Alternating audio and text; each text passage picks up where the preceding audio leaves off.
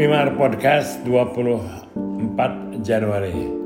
Kita mulai dan topiknya random sambil jalan aja apa yang uh, terlintas pada partner saya, pewawancara saya bernama Monica Ayu, excellent lady dari Solo.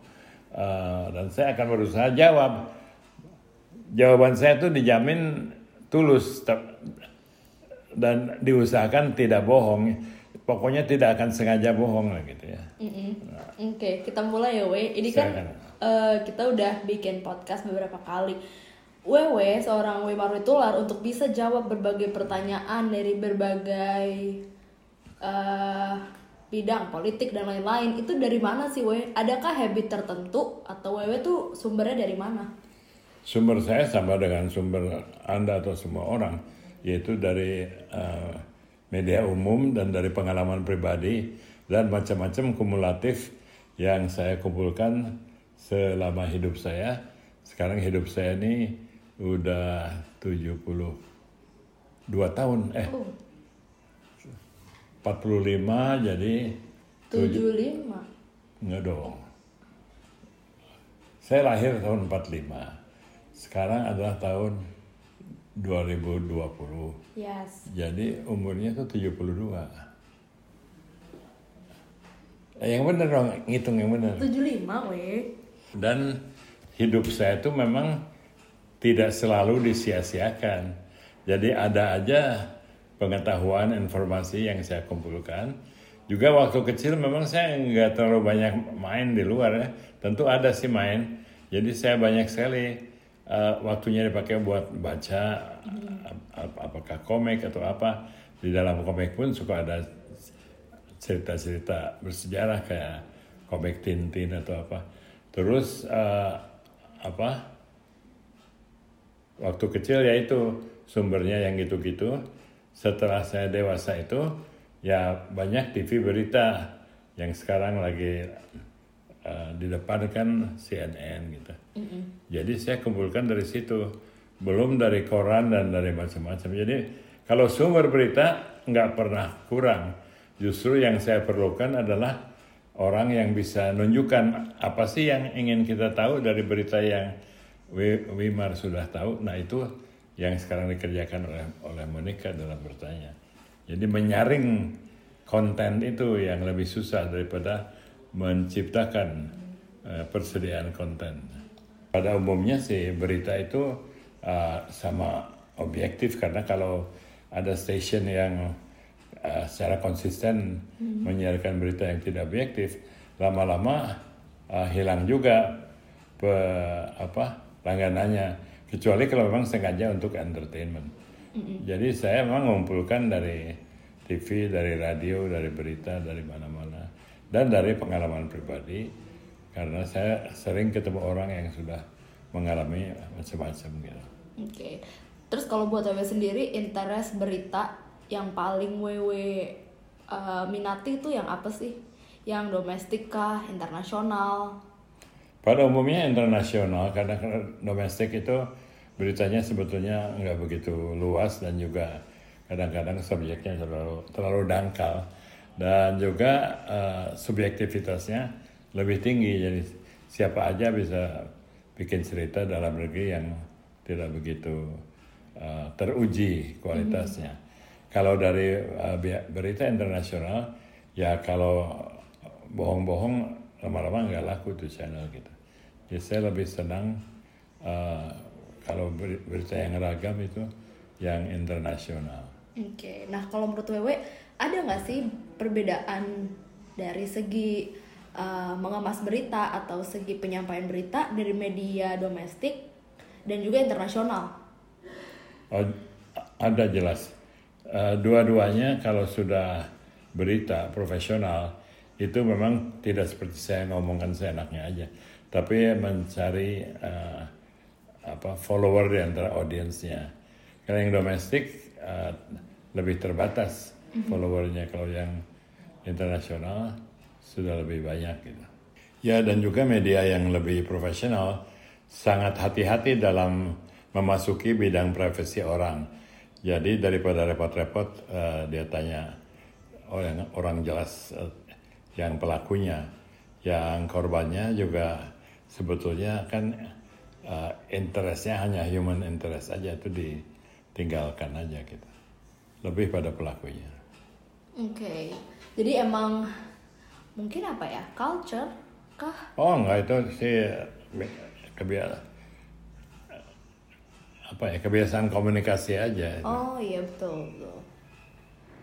Kalau misalnya mereka ngeklaim bahwa kasus Reinhardt ini adalah the worst yang terparah sepanjang sejarah mereka, adakah weh sebelumnya yang lebih parah atau mendekati? Saya nggak tahu. Jadi kalau BBC membuat klaim semacam itu, kira-kiranya benar lah.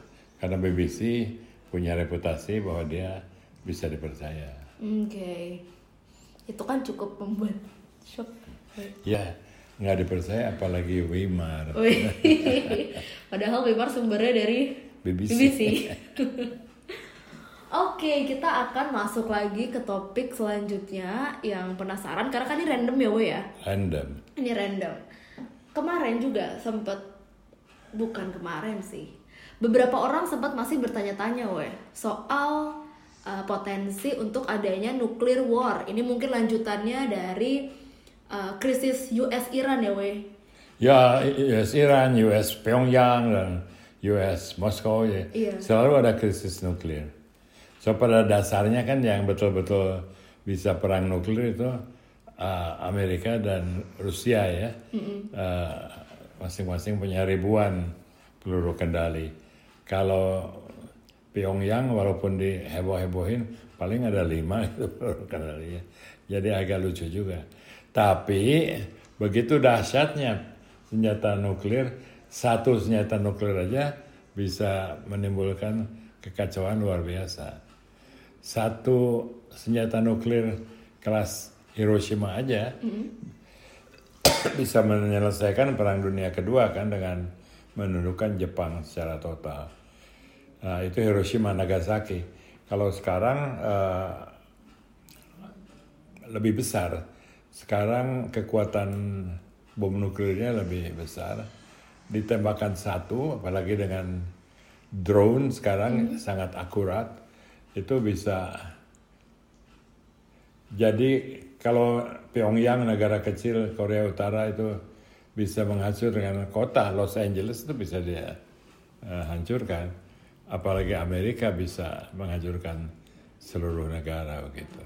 Tapi justru karena begitu besar daya penghancuran dari senjata nuklir itu, sehingga orang diperkirakan nggak ada yang berani uh, memakainya, sebab dia, dia akan menantang uh, amarah seluruh dunia. Tapi untuk keberadaan reaktor nuklir atau senjata nuklir, misalnya di Rusia oh mungkin ya kita bisa bisa kira-kira tapi kalau di Pyongyang nih weh di Korea Utara untuk negara yang seperti itu bener nggak sih ada di sana weh ah itu ya semua studi dari intelligence Amerika menyatakan ada ya jadi ada lah oke okay. kira-kira dapat dari mana tuh weh untuk soal pendanaan oh, oh kalau pendanaan sih mungkin dari Rusia dari Cina nggak tahu kalau pendanaan tapi kalau teknologinya sih Korea itu canggih. Korea Utara lebih canggih dari Korea Selatan. Korea Selatan lebih canggih dari Indonesia. Film apa boybandnya aja kan lebih canggih ya. jadi jadi eh, jangan underestimate mm-hmm. kecanggihan teknologi uh, Pyongyang. Apalagi Pyongyang itu mengapa dia bisa mengembangkan tenaga nuklir karena urusan lain dia enggak kelola ya mm-hmm. urusan ekonomi kurang diurus urusan eh, ini kurang diurus kalau Korea Selatan membangun seluruh masyarakatnya Korea Utara sih ngurusinnya hanya itu aja makanya dia itu sangat nggak mau disuruh berhentikan program nuklirnya karena itu satu-satunya yang dia punya mm, oke okay. Karena mereka juga masih disupport dari Tiongkok ya we uh, terutama sekarang untuk uh, ekonomi sehari-harinya itu disupport dari Tiongkok. Mm -hmm. Kan mereka mengekspor batu bara, mm -hmm. Korea Utara itu banyak batu bara. Terus uh, mengimpor makanan dari mm -hmm. bami, bakso segala itu dari dari dari uh, Cina ya. dari China. Nah, kalau misalnya di Rusia sendiri, dulu kan kita pernah uh, mengalami sebuah peristiwa. Ini katanya juga the worst explosion, yaitu uh, meledaknya reaktor nuklir di Ukraina. Waktu itu masih Keren, karena saya nonton nih. Kamu harus nonton. Chernobyl. Iya. Kamu harus. WW pasti nonton HBO, bukan? Iya. Yang mini series. Iya. Sampai terpukau berapa malam ya itu. ampun, saya juga. Iya. Ba- dapat banyak hadiah. Aduh sorry. Dapat banyak hadiah kan itu ya. Iya. Chernobyl, wah gila itu. Memang. Dan itu kita lihat kan dari kesalahan kecil kebakaran pada salah satu ininya sampai reaktornya tumbang sampai akhirnya uh, tidak terkendali sampai pada waktu ininya bocor radiasinya tuh sampai ke Norwegia dan ke Iya. Swedia itu luar biasa dan di film itu kita lihat secara realistis sangat mengerikan bahwa kesalahan itu uh, nggak bisa diperbaiki sampai sekarang bagian-bagian reaktor Chernobyl itu dikuburnya di dalam tanah Iya, betul. WW kan berarti ini ya, W itu kan tahun 1986 if I'm not mistaken. ya ya saya kira-kira segitulah Itu waktu peristiwa itu terjadi di Indonesia apakah juga heboh? Ma- heboh tapi yang sangat heboh macam saya aja yang ngikutin Oh iya. yang lain sih ya sama aja kalau ada kapal tenggelam ada Iya, iya, iya betul. tidak terlalu dramatis kalau saya sih heboh karena juga mengikuti dari CNN internasional kan Oh, oke. kalau lihat di Metro TV sih nggak banyak beritanya Nah, berarti itu salah satu juga yang wajib ditonton ya, mini series HBO yang Ya. judulnya Chernobyl. ya dan dan orang harus memang berminat sebab kalau dilihat sebagai awam ya nggak ada berantemnya gitu kurang kurang heboh gitu ya tapi saya terutama tersentuh karena saya tahu itu cerita yang benar gitu Iya, betul. orang-orangnya ada di situ Oke. Chernobyl dapat banyak hadiah Oke, bicara soal kesalahan yang tidak dapat diulang. Di akhir film itu kan disimpulkan bahwa ada kesalahan negara juga ya, Wei? ya exactly bagus eh pinter juga nih pewawancara Jadi yang memang ditutup-tutupi sampai pada akhirnya sebenarnya they do nothing wrong. ya betul Para engineer yang terlibat gitu dalam uh, pengembangan reaktor nuklir itu. Jadi ini uh, salah satu rekomendasi series yang harus ditonton, apalagi buat millennials. seri yang lain juga udah nonton Homeland gitu itu kan Belum. Breaking Bad ya banyak lah kalau mau film. Ya nggak kerasa ngomong udah banyak ya. Memang ini partnership baru ini Wimar bersama Mon- Monik Ayu itu kayaknya mengasihkan. Buat buat saya mengasihkan mudah-mudahan yang dengar podcast juga senang ya. Enak kan nggak bayar dapat beberapa butir pengetahuan. Oke, see you. See